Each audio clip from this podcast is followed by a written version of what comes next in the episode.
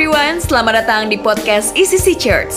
Kami percaya saudara akan dikuatkan dan dibangun oleh setiap khotbah yang akan disampaikan. Let's be excited for the word of God. Wow, oke. Sudah excited pagi hari ini? Bilang kiri kanannya Tuhan Yesus baik. Tuhan Yesus baik. Yes. Oke. So, tema besar tahun kita ya, eh, tahun ini tema besar kita adalah dari Januari sampai Desember adalah spiritual expansion. Ya, spiritual expansion. Nah, artinya kapasitas rohani yang berkembang, yang diperbesar. Kenapa kapasitas rohani kita harus lebih besar? Karena kehidupan rohanimu menentukan kehidupan jasmanimu.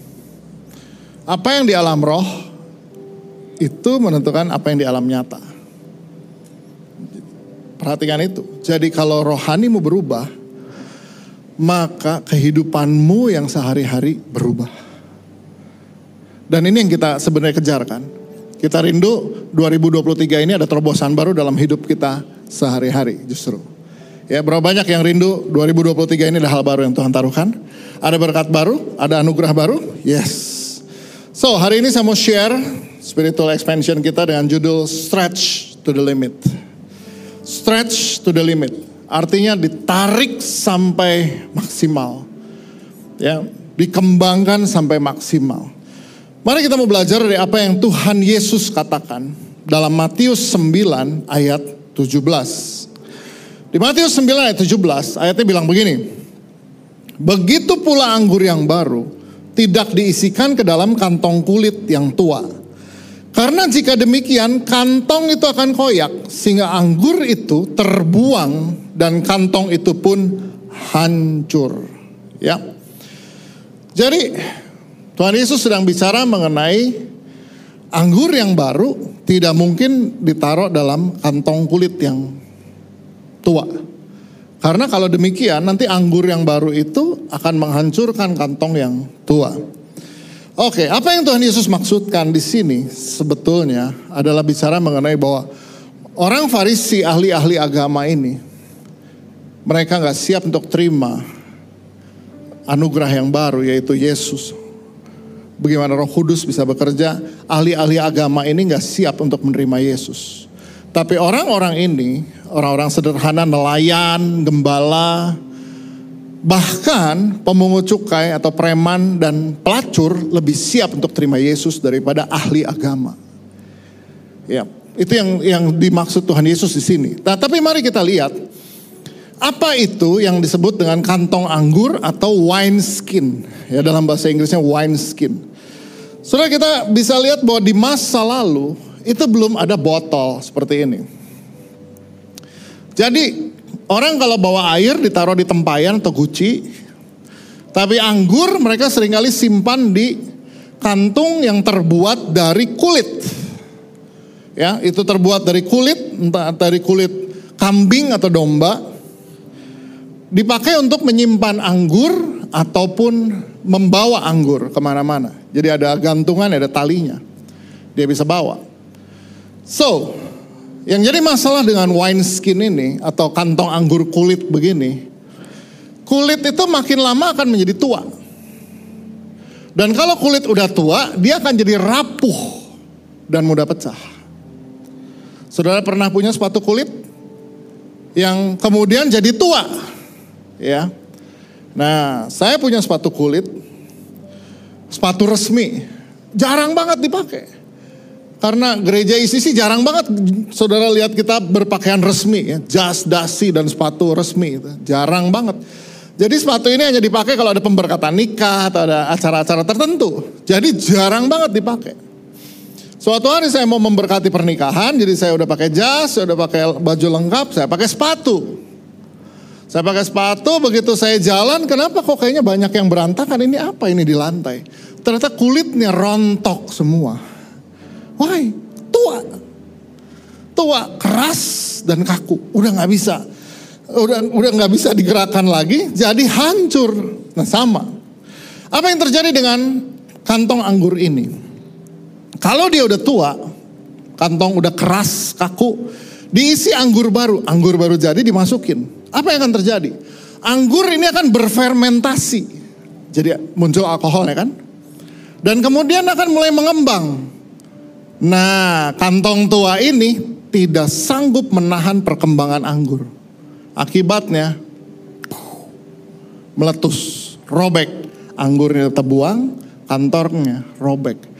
Jadi Tuhan Yesus bilang kantong anggur, eh apa anggur baru mesti ditaruh di kantong yang baru. Karena kantong yang baru kulitnya lemes.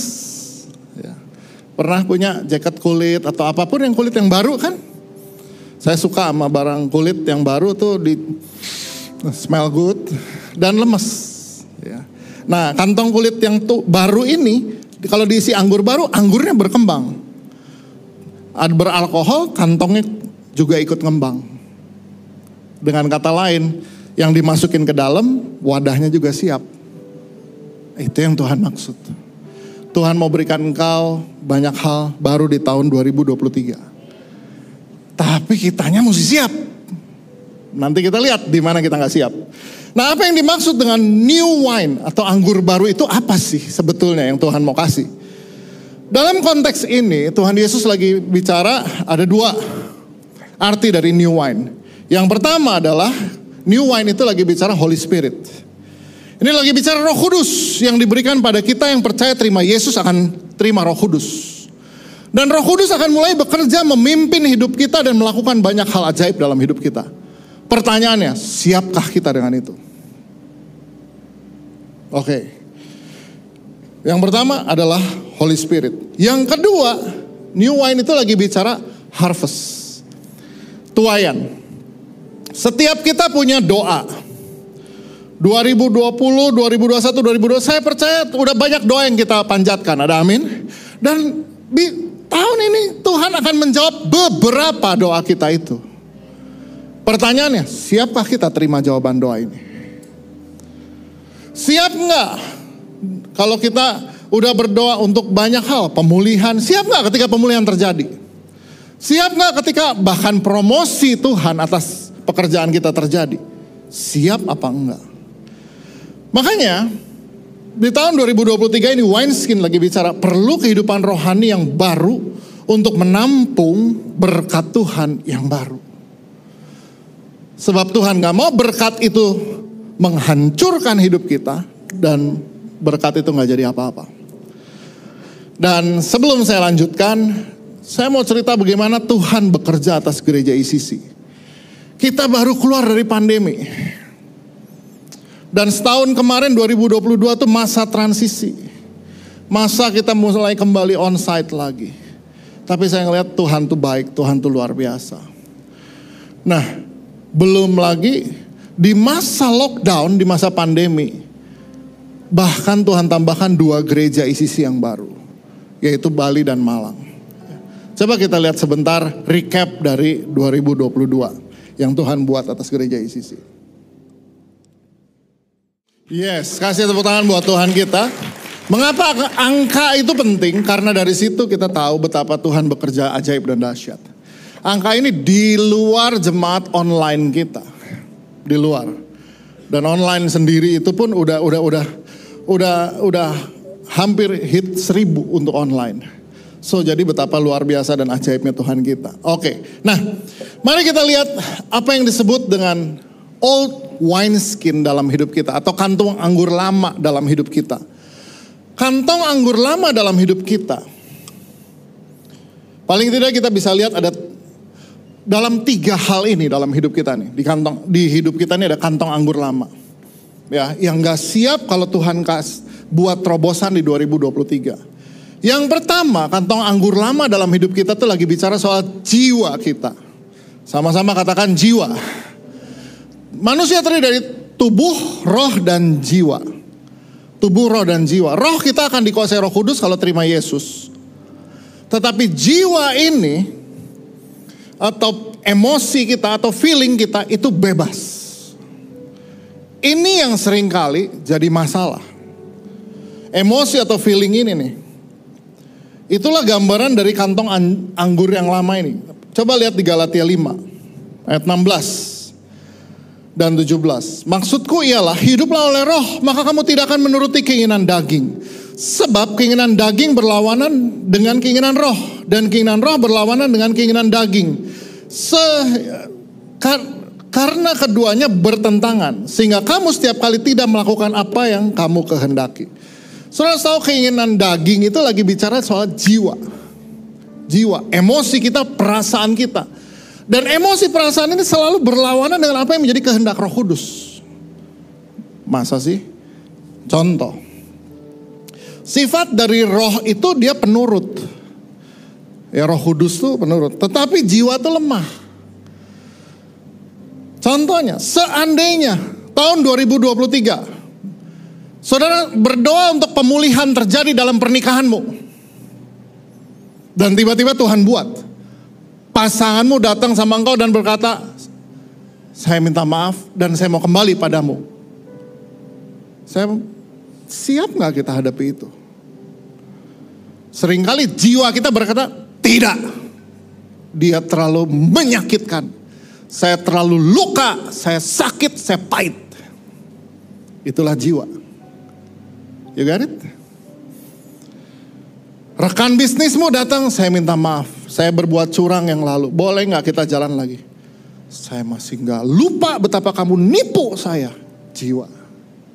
Si jiwa, si emosi.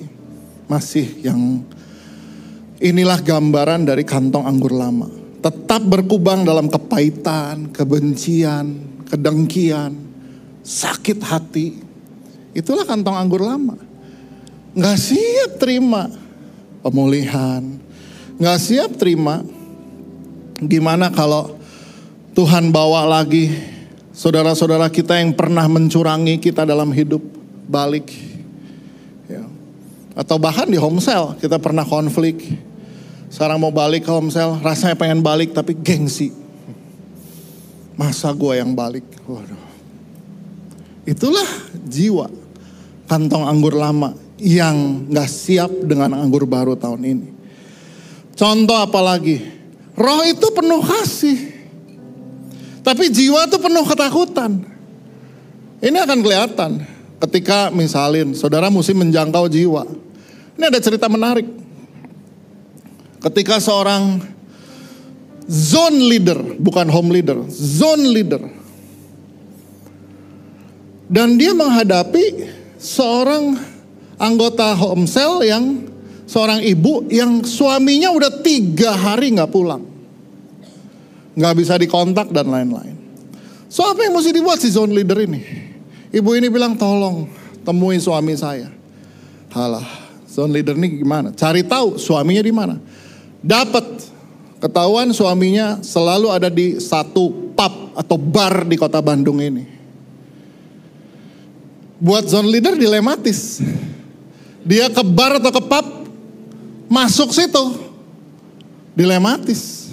Ntar kalau orang lihat gimana? Nah, zone leader atau ada jemaat lewat. Aku lihat leaders ICC ternyata ke bar itu. Ke pub itu. Beresiko. Tapi gimana? Siapa yang mesti jang, temui si suami yang udah tiga hari nggak pulang ini? Jadi dorongan roh kudus kasih itu meniadakan ketakutan. Ada amin saudara. Zone leader ini panggil satu orang member homesel lagi, pria juga. Yang cukup punya kapasitas mendampingi dia. Untuk datang ke bar dan pub. Jadi di hari yang sudah dia rencanakan mereka berdua pergi ke bar dan pub itu. Begitu masuk di bar itu dia lang, si zone leader ini langsung video dan kirim videonya ke istrinya. Honey, aku di sini nih sekarang. Uh. Dan ditemuilah sang suami yang udah tiga hari nggak pulang tuh di situ.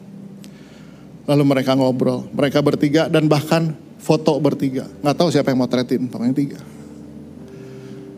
Kalau mau pikir resiko, wah beresiko. Kalau ada yang iseng aja bikin gosip gosip. Kalau ada yang iseng aja bikin bikin tuduhan. Zone leader ternyata ya kerjanya ke pub.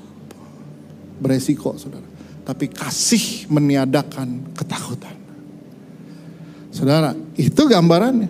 Bahwa jiwa kita tuh ya selalu penuh kekhawatiran dan ketakutan. Dan susah buat Tuhan untuk bergerak dengan yang begini.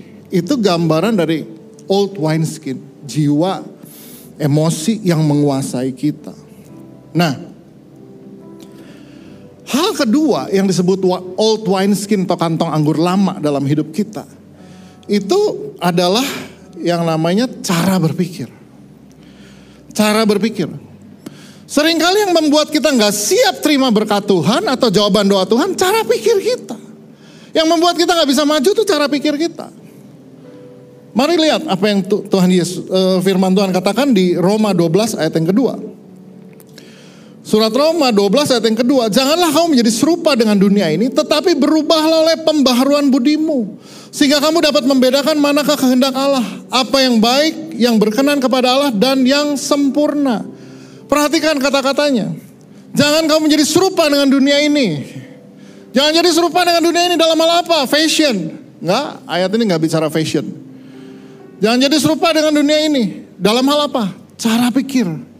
Makanya dibilang, berubahlah oleh pembaharuan budi, pembaharuan pikiran, renewing of your mind.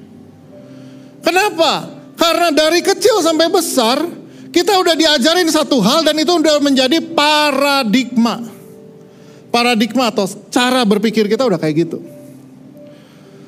Apa yang ditanam pada kita dari kecil sampai besar itu udah jadi paradigma. Itu udah jadi paradigma. Nah, sering kali paradigma ini bertentangan paradigma dunia ini bertentangan dengan firman Tuhan. Contoh, dari kecil waktu SD kita ada pelajaran bahasa Indonesia. Saya waktu siapin khotbah ini saya ingat-ingat bahasa Indonesia. Uh, 50 tahun yang lalu, hampir 50 tahun lalu tuh. Ada pelajaran yang namanya peribahasa, betul? Pernah ada yang belajar itu? Diajarin kan? Rajin pangkal pandai. Hemat pangkal ayah. Iyo. Terus ulangin. Ulangan lagi ada ulangan. Rajin pangkal pandai. Hemat pangkal kaya. Atau lengkapi peribahasa ini kaya. Hemat pangkal kaya. Pokoknya kita udah masuk di kepala. Tiba-tiba ketika kita udah besar, kita percaya Yesus terus jadi ke gereja. Nah, di gereja tahu-tahu dibacain firman Tuhan dari Amsal. Ada orang yang menabur harta tapi bertambah kaya. Ada orang yang berhemat luar biasa tapi tambah miskin.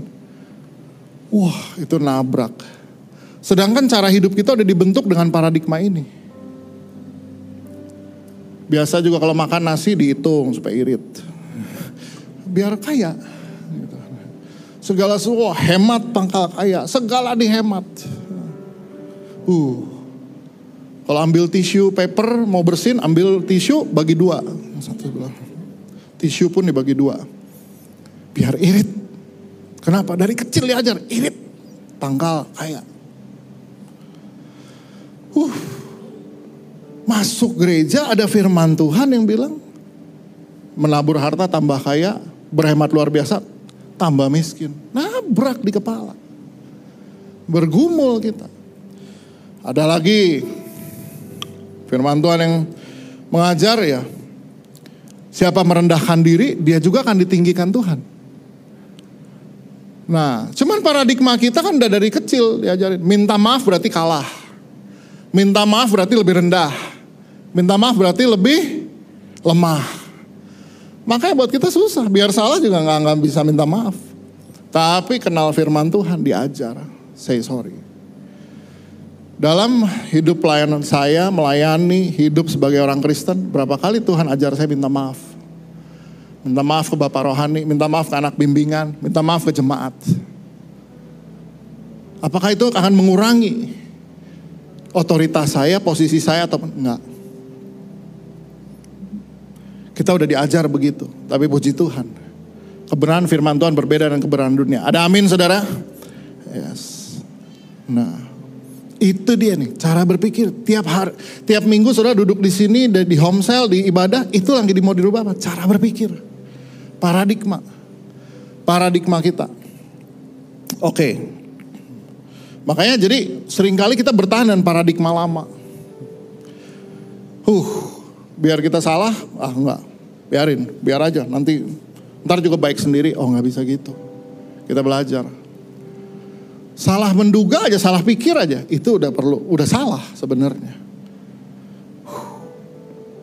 Berapa kali saya harus datang sama staff ataupun sama leaders ya, saya harus bilang, maaf ya, saya salah menduga. Saya pikir kamu begini, ternyata salah. So, saudara, ini karena paradigma dibangun di kepala kita. Yang ketiga, old wine skin. Ya, jadi kalau perasaan kita masih menguasai kita. Dan yang bisa menguasai perasaan cuma satu, roh kudus. Makanya pengampunan itu tidak tidak terjadi karena kita mampu mengampuni. Tapi karena kita mau mengampuni. Perasaan kita sebenarnya masih sakit, masih luka. Tapi kita berkata mau, roh kudus bekerja di situ. Roh kudus bekerja. Bukan kita, saya kalau ngadepin orang bilang kamu harus ampuni, saya nggak sanggup. Memang benar kamu nggak sanggup. Mau apa enggak? Kalau mau Roh Kudus yang memampukan kamu. Makanya old fine skin itu lagi bicara satu perasaan dan Roh Kudus yang mulai menguasai perasaan kita. Dua, cara berpikir. Cara berpikir kita harus mulai berubah sesuai firman Tuhan. Yang ketiga, apa yang mesti berubah? Cara ketiga, eh, hal yang ada dalam hidup kita ini adalah kantong anggur tua yang bakal pecah kalau Tuhan kasih berkat adalah soal cara hidup. Ini hal yang ketiga. Cara hidup. Cara hidup. Mari kita lihat firman Tuhan soal cara hidup ini. 1 Petrus 1. 1 Petrus 1 ayat 18. Sebab kamu tahu bahwa kamu telah ditebus dari cara hidupmu yang sia-sia yang kamu warisi dari nenek moyangmu itu bukan dengan barang yang fana, bukan pula dengan perak atau emas, melainkan dengan darah yang mahal, yaitu darah Yesus. Darah Kristus yang sama seperti darah anak domba yang tak bernoda dan tak bercacat. Apa yang dibayar Yesus di kayu salib? Dosa. Pertanyaannya apa itu dosa? Bahasa aslinya dosa adalah hamarsia. Hamarsia itu kalau diterjemahkan artinya adalah anak panah yang tidak mencapai sasaran. Itulah hamarsia. Apa contohnya hamarsia? Contohnya, kalau saudara beli handphone. Beli handphone buat apa sih? Buat nelepon. Udah beli mahal-mahal, handphonenya nggak bisa dipakai nelepon. Jadi akhirnya handphone jadi ganjel pintu. Nah itulah hamarsia. Tidak mencapai sasaran. Handphone jadi pemberat kertas, berarti dia hamarsia, tidak mencapai sasaran. Demikian pula hidup kita. Makanya yang harus di Tuhan Yesus juga menebus dari cara hidup. Cara hidup yang macam apa? Yang sia-sia. Oh, lawannya sia-sia apa? Produktif. saya belajar dari isi saya. Kata produktif itu ada dalam hidup dia. Yang cara hidup lawannya sia-sia apa? Produktif. Seringkali dia mau tidur dia bilang, aduh aku kok rasa nggak produktif ya hari ini. Saya belajar apakah produk cukup produktif nggak ya hari ini. Kemarin Sabtu bangun jam 5. Kenapa? Kan doa pagi. Ya, bangun jam 5 buat doa pagi. Jadi 6 jam 6 saya udah sampai sini, parkir mobil. Selesai doa pagi ada jemaat yang punya pabrik uh, baru beli pabrik dia mau didoakan minta didoakan. Jadi ke pabrik dia di Soreang. Karena di Soreang Bandung Selatan jauh dibilang jangan jangan banyak mobil udah ikut mobil aja. Ya mobil saya tinggal sini. Soreang. Udah di Soreang habis doa dan lain-lain lain ya ada jemaat lagi Mekarwangi. Minta ditengok. Oke Mekarwangi dari Mekarwangi. Udah dari Mekarwangi. Sekarang ada pertemuan sama salah satu home leader di mana Cimbluit, itu rumah. Uh, kebayang nggak saudara? Saudara yang Mekarwangi, Cimbluit. Sampai Cimbluit jam 2. Lalu dari situ pertemuan home leader, ya jam 4 udah harus pertemuan lagi dengan owner BTC. Di mana? Di BTC. Jadi dari jam 2, uh, eh, dari Cimluit ke BTC. pertemuan dengan owner BTC sampai jam 5. Jam 5 ibadah The Bridge, saya khotbah The Bridge, khotbah yang sama. Huh, selesai sampai rumah jam 8 malam. Baru ketemu istri saya jam 8 malam. Uh, dan baru saya mandi. Jadi istri saya bilang, kamu gak mandi dari pagi? Enggak. Nggak tahu kan jemaat yang dikunjungin? Ya, itulah. Produktif banget ya hidup sampai nggak mandi gitu loh. Intinya gini lah. Nggak ada, kalau kita mau diberkati Tuhan, ya ubah cara hidup yang sia-sia jadi produktif. Ada amin nggak saudara? Kuat nancep depan TV nonton drama berseri-seri. Padahal kerjaan banyak. Nggak bisa begitu. Nggak bisa begitu saudara. Mari, mari, mari, mari. Kita mesti belajar hidup. Huh. Cara hidup yang mesti berubah lagi bicara soal apa sih? Hidup yang semau gue. Nah, gimana gue aja? Kok orang mau ngatur-ngatur, nah, kita belajar disiplin. Kita belajar disiplin. Disiplin tuh lagi bicara hidup kita nih perlu yang namanya nasihat, perlu yang namanya teguran. Dan juga kita perlu program dalam hidup. Banyak orang nggak suka hidup berjemaat karena apa? Itu membuat kita jadi ter, jadi ada program dong, nggak free, nggak bebas. Saudara, nggak bisa. Dalam hidup ini kita perlu belajar disiplin. Kenapa ada powerhouse, ada doa pagi? Itu mengajar kita untuk punya disiplin. Setiap event Sabtu bangun pagi. Event Sabtu bangun pagi. Uh, anak saya suka bilang gini. Jadi aku kapan bangun siangnya? Nggak ada. kapan bangun siang? Nggak ada. Biasa Sabtu hari bangun siang. Nggak ada. Nah, saudara lihat jadi kalau kita nggak mau didisiplin, nggak mau dinasehati, nggak mau diajar, nggak mau ditegur, nggak mau juga diprogram, ini akan akan membuat hidup kita liar. Dan saya diajar sama bapak rohani saya. Pastor Konghi selalu bilang ini, Tuhan nggak bisa turunkan berkat di atas ketidakteraturan. Hidup nggak teratur, semau gue terserah hidup-hidup gue, gitu loh. Oh, Tuhan nggak bisa turunin berkat di atas ketidakteraturan dia cuma bisa turun di atas tempat yang teratur. Oke. Okay. Come on. Apalagi? Uh, cara hidup yang mesti berubah. Hidup yang gimana nanti? Gimana ntar? Oh, ganti jadi hidup yang punya visi misi jelas, ada tujuan ini. Wah, saya sebelum menikah dengan KFI, saya ini orang yang gimana ntar? Tipis banget tuh antara gimana ntar sama iman yang kuat gitu loh. Beriman dong, tapi sebenarnya lagi gimana ntar gitu loh. Lagunya kisera sera what will be will be. Oh nggak bisa. Oh nggak bisa ketemu istri saya yang serba perhitungan. Saya dalam hidup tuh injek gas terus pokoknya. Oh nggak bisa. Ada belajar di rem. Belajar untuk mengetatkan sedikit. Nggak bisa gimana. Oh, even saya nih mantan atlet sepeda, tetap goes sampai hari ini, suka mau ikut event cycling, tetap kalau saya bilang. Bilang istri saya, saya ini ada event cycling nih, ini, ini, ini. Saya bilang, pengen ikut juga nih. Ya istri saya cuma ngingetin, ingat mau nikahin anak. Oh iya, jadi oke. Okay. Artinya hidup nggak bisa gimana entar, ada yang di depan. Yang mesti, ditu, mesti dijalanin di depan. Nah ini nih cara hidup ini mesti berubah. Gereja ini nggak jalan autopilot, tapi kita harus tanya Tuhan, ini mau apa nih tahun ini? Dan apa yang kita kejar, apa yang kita tuju di situ? Apa yang kita bangun? Di leaders meeting Selasa nanti saya harus sampaikan apa yang kita bangun di tahun ini, gitu loh. Dan ini yang prioritasnya, gitu. Loh. Itu dikasih tahu. Bukannya gimana nanti ngalir aja, oh enggak. Saudara ingat, cara hidup mesti berubah. Kalau ada cara yang tidak berubah, maka ada hasil yang tidak berubah. Albert Einstein bilang begini dalam sebuah quote yang terkenal dari Albert Einstein. Insanity atau kegilaan itu adalah doing the same thing over and over again and expecting different result. Insanity. Kegilaan itu adalah melakukan hal yang sama terus-menerus tapi berharap hasilnya beda. Contoh,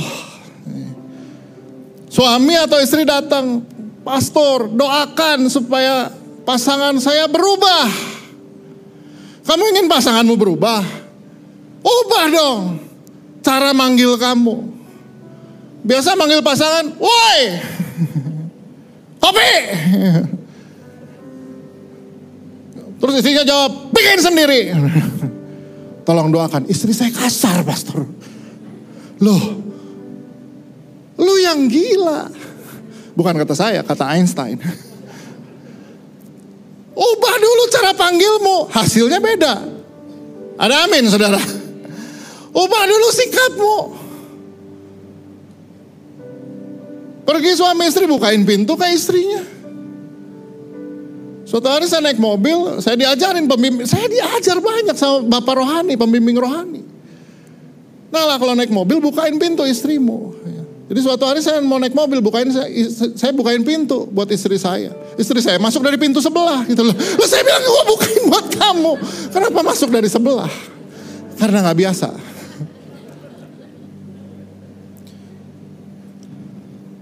Hidup masih pakai perasaan. Uh, saya nggak lupa apa yang kamu buat di tahun 2004. Saya ingat persis kata-katamu dan waktu itu hujan rintik-rintik. Saya ingat jamnya, saya ingat lagu apa yang waktu itu lagi diputar. Hiduplah dengan itu terus. Perasaan dimanja, dikasih makan terus. Benci terus, dendam terus, pahit terus. Terus kita berdoa, anggur baru Tuhan, curahkan berkat baru. Tuhan bilang gak bisa. Kalau itu tercurah, koyak kamu semua. Perasaan, cara pikir gak berubah. Cara pikir gak berubah. Di gereja ini kita selalu bilang, kalau dunia menggunakan orang untuk dapat uang, di gereja ini kita gunakan uang untuk dapat jiwa-jiwa. Makanya dana misi kita besar banget dana penjangkauan kita besar banget. Karena kita bukan gunakan orang, tapi kita gunakan apa yang digunakan dunia untuk menjangkau orang. Mindset dibalik. Mindset mesti dibalik. Dan ada cara hidup yang mesti berubah. Suruh berharap bisnis mau maju, ya cara dagangmu mesti berubah. Cara dagangmu mesti berubah. Kalau kemarin gak jujur soal pajak, mulai tahun ini jujur soal pajak. Cara dagangnya berubah. Cara hidupnya berubah. Saya pengen anak saya berubah. Cara kita komunikasi sama dia mesti berubah. Cara kita perlakukan dia mesti berubah. Come on. Ubah caranya. Bilang kiri kanan, ubah caranya. Nah. Uh. uh. Oke, okay, saudara dapat sesuatu pagi hari ini? Yeah, I'm getting excited. uh. Nah, saudara apa yang disebut dengan new wine skin atau kantong anggur baru? Ya. Saudara ingin ada ada anggur baru tahun ini? Pengen ada anggur baru? Berapa banyak yang pengen ada anggur baru tahun ini? Kantongnya mesti baru, saya harus bilang. Nah sekarang kantong anggur baru tuh kayak apa? Ya kantong kulit anggur yang baru tuh kayak apa? Kantong yang baru itu adalah kantong yang bisa stretch to the limit. Bisa ditarik sampai kepada kapasitas maksimal. Maksimal dia. Stretch to the limit. Bagaimana supaya hidup kita ini bisa stretch to the limit? Ya, spirit kita, roh kita bisa stretch to the limit, rohani kita. Maka ada yang Tuhan berikan, Yeskel 36 ayat 26. Yeskel 36 ayat 26. Ayatnya bilang apa? Kamu akan kuberikan hati yang baru dan roh yang baru dalam hati dalam batinmu. Dan aku akan menjauhkan dari tubuhmu hati yang keras dan kuberikan padamu hati yang taat. Apa yang Tuhan buat? Dia berikan pada kita ada hati yang baru dan roh yang baru. Roh yang baru tuh lagi bicara apa? Roh Kudus. Tuhan tahu kita perlu roh kudus. Roh yang baru tuh lagi bicara roh kudus. Tuhan tahu kita ini sering hidup pakai perasaan, pakai jiwa kita. Makanya kita perlu roh kudus yang memimpin hidup kita. Roh yang baru itu lagi bicara roh kudus. Dia bicara soal roh kudus. Ya, roh kudus. Roh yang baru itu lagi bicara roh kudus. Supaya apa? Supaya kita jangan hidup pakai perasaan. Pakai mood. Kenapa kemarin gak kerja? Lagi gak mood. Gak bisa saudara sukses. Hidup pakai mood. Uh, terima orderan tapi nggak dikerjain. Kenapa? Lagi nggak mood. Gak bisa sukses. Saudara, engkau perlu roh kudus untuk menguasai mood kita. Saya nggak mau urusan sama orang itu. Kenapa? Masih sakit hati saya sama dia. Padahal kita perlu. Oh, kita perlu roh kudus untuk tolong kita. Mood kita ini nggak boleh menguasai kita. Perasaan kita nggak boleh menguasai kita. Emosi kita menguasai kita. Roh Kudus akan menguasai emosi kita justru. Nah, itulah makanya Tuhan berikan roh yang baru, yaitu roh kudus. Apalagi, hati yang baru itu lagi bicara hidup di dalam ketaatan. Hidup dalam ketaatan, hati yang baru. Makanya gini, mari kita lihat kesimpulannya. New spirit and new heart itu lagi bicara Tuhan taruhkan roh yang baru dan hati yang baru. Maka akan ada tiga ekspresi paling yang muncul. Yang pertama, ekspresi yang pertama adalah worship. Kenapa? Karena roh kudus akan selalu membawa kita kepada Bapa di surga. Sikap kagum dan hormat sama Tuhan luar biasa. Saya makin hari makin kagum sama hormat. Kenapa? Karena saya tahu saya manusia yang nggak pantas, saya manusia yang jelek, tapi Tuhan anugerahkan begitu banyak dalam hidup saya. So ekspresi yang keluar adalah kagum dan hormat. Kagum dan hormat. Kalau saudara perhatikan, mulai tahun ini gereja kita membangun praise and worship di gereja berbeda dari tahun lalu. Lihat aja hal kecil. Pintu nggak ditutup sekarang kalau lagi praise and worship. Yang ditutup, pintu nggak di close Supaya apa? Supaya jemaat yang terlambat masih bisa masuk untuk tetap ikut praise and worship. Tapi pintu baru ditutup ketika udah mulai khotbah. Tutup total. Saudara yang datang udah waktu udah mulai khotbah, pintu udah tertutup total. Nggak bisa masuk lagi. Kenapa? Karena dalam bahasa Jawa itu artinya terlambatnya udah nemen. Terlalu. Jadi kalau udah khotbah pintu udah ditutup total, udah nggak bisa masuk. Tapi waktu praise and worship kita rindu saudara datang lebih awal dan tetap bisa ikut praise and worship. Ya, jadi yang suka pas-pasan datang lebih awal, bilang kiri kanan datang lebih awal. Karena Roh Kudus akan selalu memimpin kita untuk kagum dan hormat sama Tuhan dan ekspresinya kita akan worship Dia. Oh. Oke, okay. nah new heart itu juga bicara yang namanya teachable heart. Teachable heart. Hati yang membuat kita mau mendengar dan melakukan. Teachable heart. Saudara, hati yang baru itu teachable heart. Bisa dikasih tahu. Saya kalau boleh bilang sama saudara, jangan punya kehidupan kayak saya zaman dulu. Gak bisa dikasih tahu. Senang berdebat. Senang pakai otak sendiri. Dan ternyata salah. Saya lahir baru tahun 1984 saya kenal Yesus. Tapi saya baru dibaptis 1991.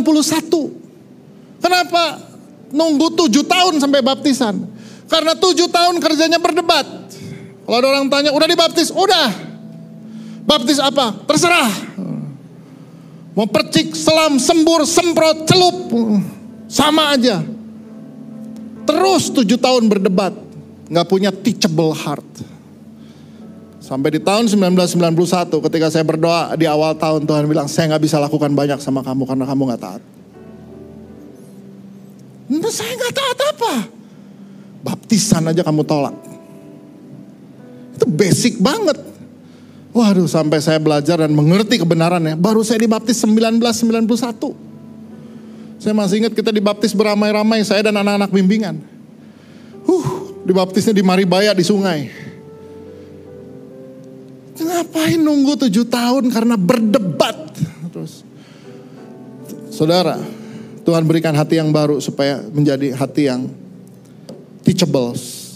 Dan itu membuat saya jadi juga bisa dengar sampai hari ini. Kalau Bapak Rohani saya, Pastor Konghi udah bilang, Nala jangan buat ini. Saya nggak akan buat. Nala, mendingan kamu jauhkan yang begini. Jangan kamu yang begini. Oke, saya nggak akan. Oke, saya akan dengar. Kalau Brother John Avans ini bilang, Nala, don't do this. Kamu lakukan yang ini. Oke. Okay. Saya akan dengar kalau dia bilang, Nala jangan begitu sama istrimu. Saya akan dengar. Itu namanya teachable heart. Kalaupun gagal, ya saya masih mesti bilang, saya gagal lagi. But harus mau diajar. Waktu Pastor Phil Pringle bilang, Nala kamu harus ini, start ini. Oke, okay, saya akan lakukan. That's teachable heart. Yang terakhir, kalau saudara punya new spirit and new heart, maka saudara akan punya yang namanya generous heart. Apa itu generous heart? Generous heart selalu ekspresi melayani dan memberi. Kenapa jadi generous heart? Karena Yesus begitu. Yesus juga datang ke dunia dan dia bilang, saya datang bukan untuk dilayani, tapi saya datang untuk melayani. Saudara harus datang ke ke ke homesel, ke gereja bukan untuk dilayani tapi untuk melayani. Itulah orang-orang yang punya new spirit and new heart. Dan memberi karena nggak mungkin mengasihi tanpa memberi. So, inilah 2023. Saudara, ada anggur baru yang mau tercurah tapi dia perlu kantong anggur yang baru. Berapa banyak yang pengen pun jadi kantong anggur yang baru? Siap buat anggur yang baru? Ya. Maka jangan lagi hidup dengan perasaanmu menguasaimu. Terus berkubang dengan perasaan. Ya, masih benci, masih sakit hati, masih pahit terus. Dan roh kudus sebenarnya bisa sembuhkan itu. Kedua, jangan lagi punya cara pikir yang sama dengan dunia. Tapi berubahlah dengan pembaharuan pikiran sesuai firman. Tiga, ada cara hidup yang mesti berubah. Jangan bikin kegilaan dengan cara cara hidup sama, cara bisnis sama, cara berhubungan sama. Eh, hasilnya pengen beda, nggak bisa. Oke. Okay. So, jadi inilah 2023. Stretch to the limit. Kalau saudara punya hati dan roh yang baru, maka saudara akan menjadi orang-orang yang menyembah Tuhan, bisa diajar, mudah diajar, teachable heart, dan mau melayani dan memberi. Saya percaya ini pesan yang khusus buat setiap kita yang mendengarkan. We pray that this message will bless you and build you. See you at the next podcast.